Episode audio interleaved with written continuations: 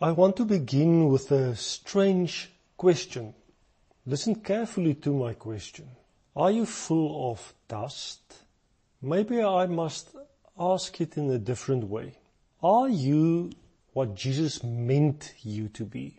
See, you are not an accident. He planned you down to the finest detail. You are not where you are for nothing. You are not living where you are for nothing. You are not working where you are for nothing. Maybe I should even ask it in this way. Who are you and what are you doing here? There where you find yourself.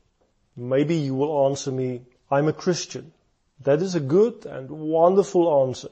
But do you realize that the word Christian is only used about three times in the New Testament, while the word disciple is used 269 times in the New Testament. The question then becomes whether we should call ourselves Christians or should we call ourselves disciples. You see the danger in calling ourselves just Christians is that we may have watered down and diminished the concept, the word Christian, to just people who know about Jesus, accepted Him, and now they belong to a congregation or church, and now they are on their way to heaven. But what is a disciple?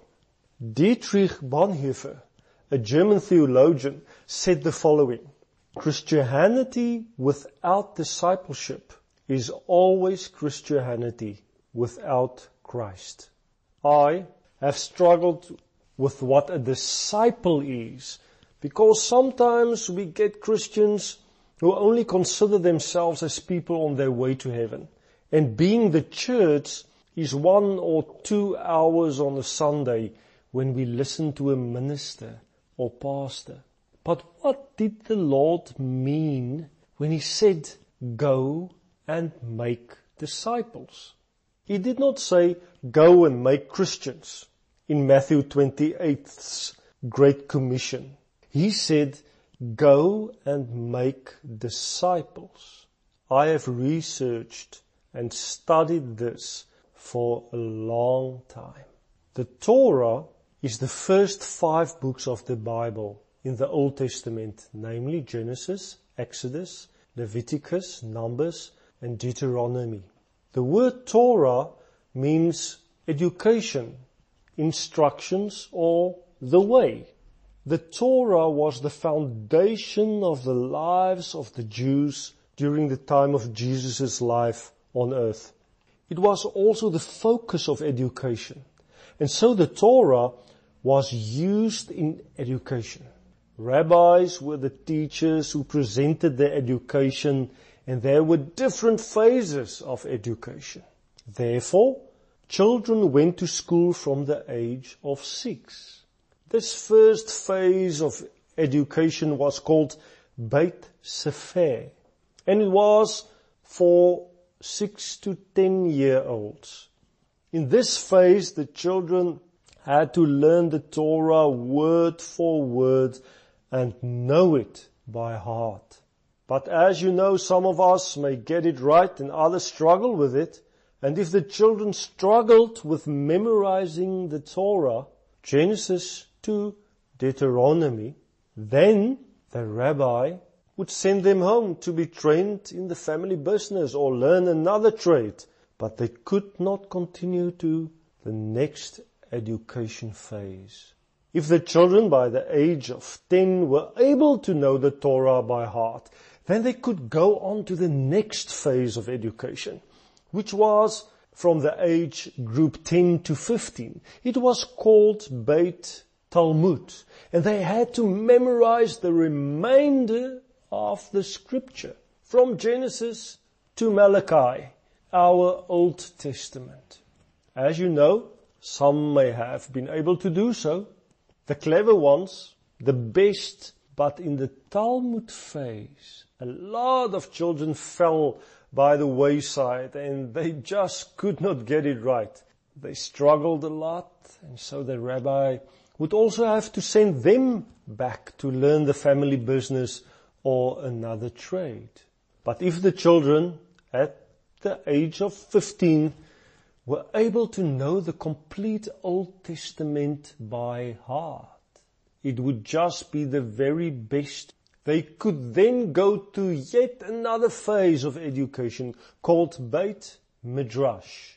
During this phase, the young person would go to the rabbi and apply to become his disciple. Now, disciple in this context did not mean that you would only be a student, but disciple meant that you would know what the rabbi knows to learn to do what the rabbi did, to be like the rabbi. There were also different rabbis in the different towns and synagogues, and they differed from each other in terms of their interpretation of the Torah and the writings of the Old Testament. They had different interpretations about different sections of scripture and how it should be applied to your life and way of living. A rabbi's interpretation and conduct according to the Torah and the Old Testament scripture were called the rabbi's yoke. So if you applied to be a disciple of a rabbi, you were prepared to take up the rabbi's yoke. That meant that you would know what the rabbi knows, do as the rabbi, and to be as the rabbi, to literally live like the rabbi. And so, a 15 year old would go to a rabbi and say, Rabbi, I want to be one of your disciples. Then the rabbi would take you through an exhaustive test because he wanted to know whether this child would be able to be like him, live like him, and be able to spread his yoke. And then he would ask him about the verbal traditions, the interpretation of sections of scripture, the way in which he would live it, and many times he would say to a specific child, I can see that you love the Lord and that you love the scriptures, but you know, I do not know whether you could really be like me. He would then turn the child away and tell the child to go and learn the family business or learn another trade. But if the rabbi thought this child had what was necessary in himself, he would say, come, follow me. Come with me. These words were words that made a Jewish child's dream come true. And the child would leave his family, his town, and his whole life would be dedicated to become like his rabbi. That is why in Palestine there was a familiar scene that played out while the rabbis went from town to town and preached. There was always a following of disciples on their heels. At the end of the day, on the dusty roads of Palestine, and because the disciples walked so close to the rabbi, so as to constantly be in his presence, they would be covered with dust, coming from the rabbi's feet, kicking up dust. And so there was a proverb amongst the wise May you be covered in the dust of your rabbi. May you live so close to him that his presence, so to speak, becomes imprinted on you.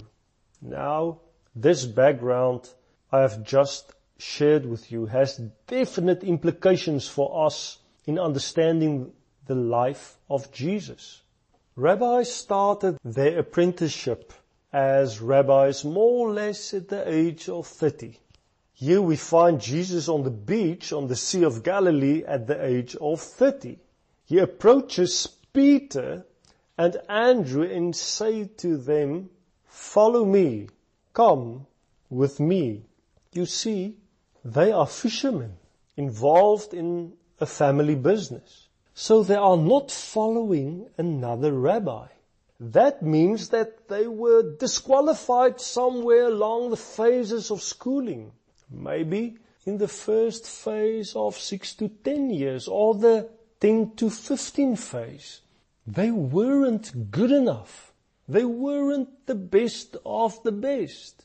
Yet we read in the text that when Jesus called them, they left their nets and followed him.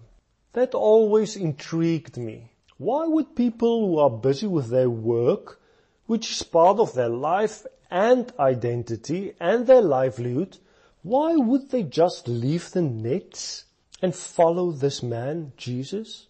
However, against the background of the context, which I have just explained to you, it is actually understandable because rabbis were the most honored and respected people and so if one came to you and said to you, come follow me, then it was like a dream come true.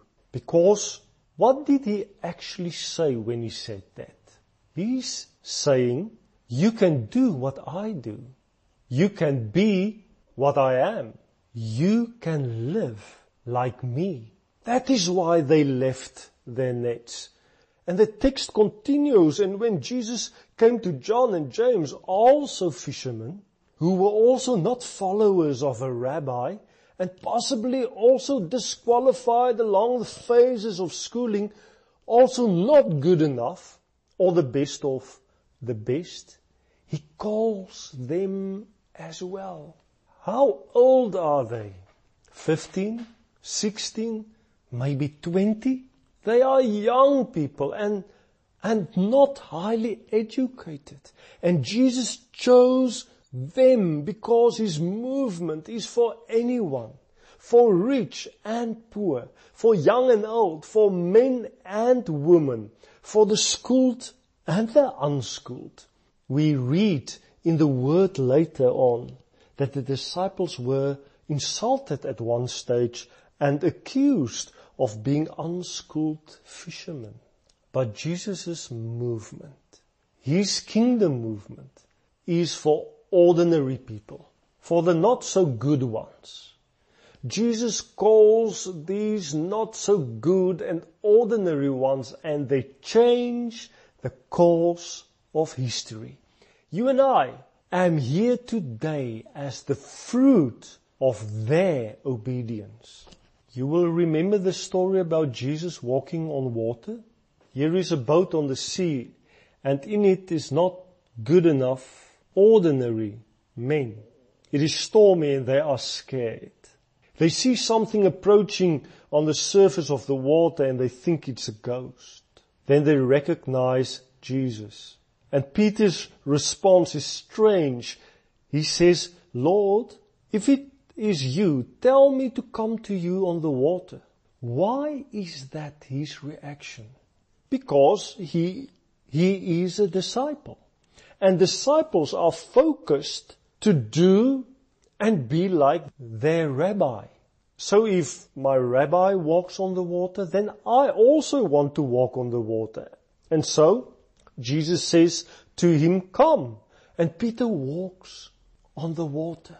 But then we read that he suddenly became aware of the wind and the waves. And so he begins to sink and cried out to Jesus for help. Jesus saved him and said to him, you of little faith, why did you doubt?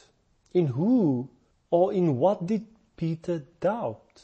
He could not have doubted Jesus because Jesus is okay, but he doubted himself. He lost his faith in the truth, namely that he can be like Jesus. He forgot that he is a disciple and that Jesus would not have called him to walk on the water if he did not think Peter could not do it. Peter lost faith in the truth, which is that he can be like Jesus, that he can do what Jesus did. Jesus reminded his disciples at one stage, you did not choose me. I chose you. Jesus does not choose you if he does not think that you can be like him. We have to believe in Jesus, but it looks as if Jesus believes in us, in you and me. He must believe in us, in his disciples, because he left everything in the hands of those disciples and said through the Great Commission, go and make disciples. He left everything in the hands of these not good enough, ordinary people, and they do it. Why could they do it? Because in Matthew 28 verse 18 Jesus said, all authority in heaven and on earth has been given to me. And in verse 20, I am with you always to the very end of the age. Yes, he gives His Spirit. He who has all authority mysteriously becomes part of our beings and therefore Jesus believed and trusted in us being like Him and to do as He did and to speak as He spoke because He gave us the power for it. He gave the Holy Spirit so that we can follow Him and be like Him. I want to ask you, do you have a relationship with Jesus Christ? If so, then the Lord calls you His disciple. Someone who can be like Jesus, who can speak like Jesus, who can live like Jesus, who can do what Jesus did. I want you to hear me clearly. Jesus chose you and He saved you to be like Him and to do what He did, to live like Him. In John 20 verse 21, after Jesus' resurrection, He appeared to His disciples in the upper room that was locked. He said to them, peace be with you.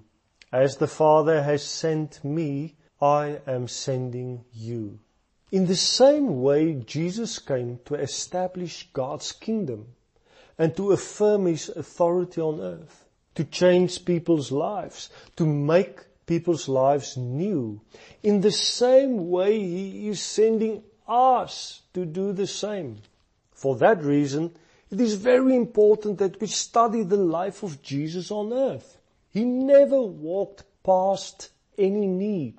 He identified with those who, that were cast out and on the edge of society. Those who were lost, sick, blind, deaf, and in dire need. What did Jesus come to do? He came to restore and heal what sin here on earth broke and destroyed.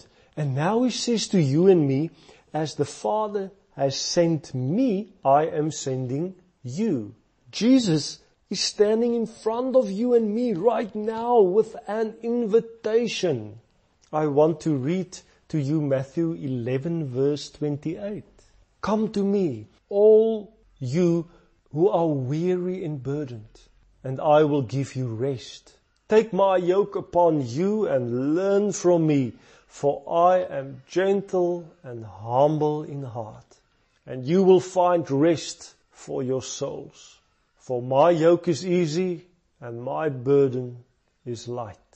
He is standing before you and me today with open arms and he invites us to take his yoke upon us.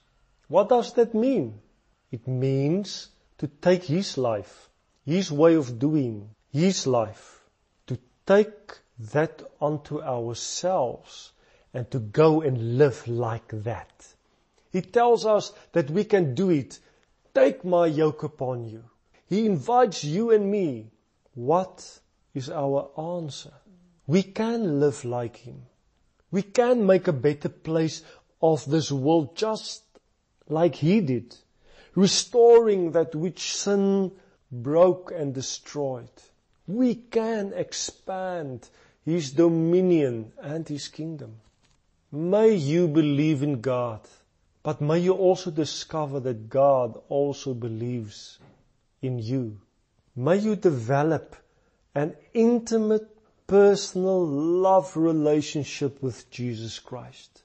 But may you also discover and believe that Jesus believes that you can be like Him. And that you can bring His kingdom into being and transform people's lives. May you experience what it is to walk on water.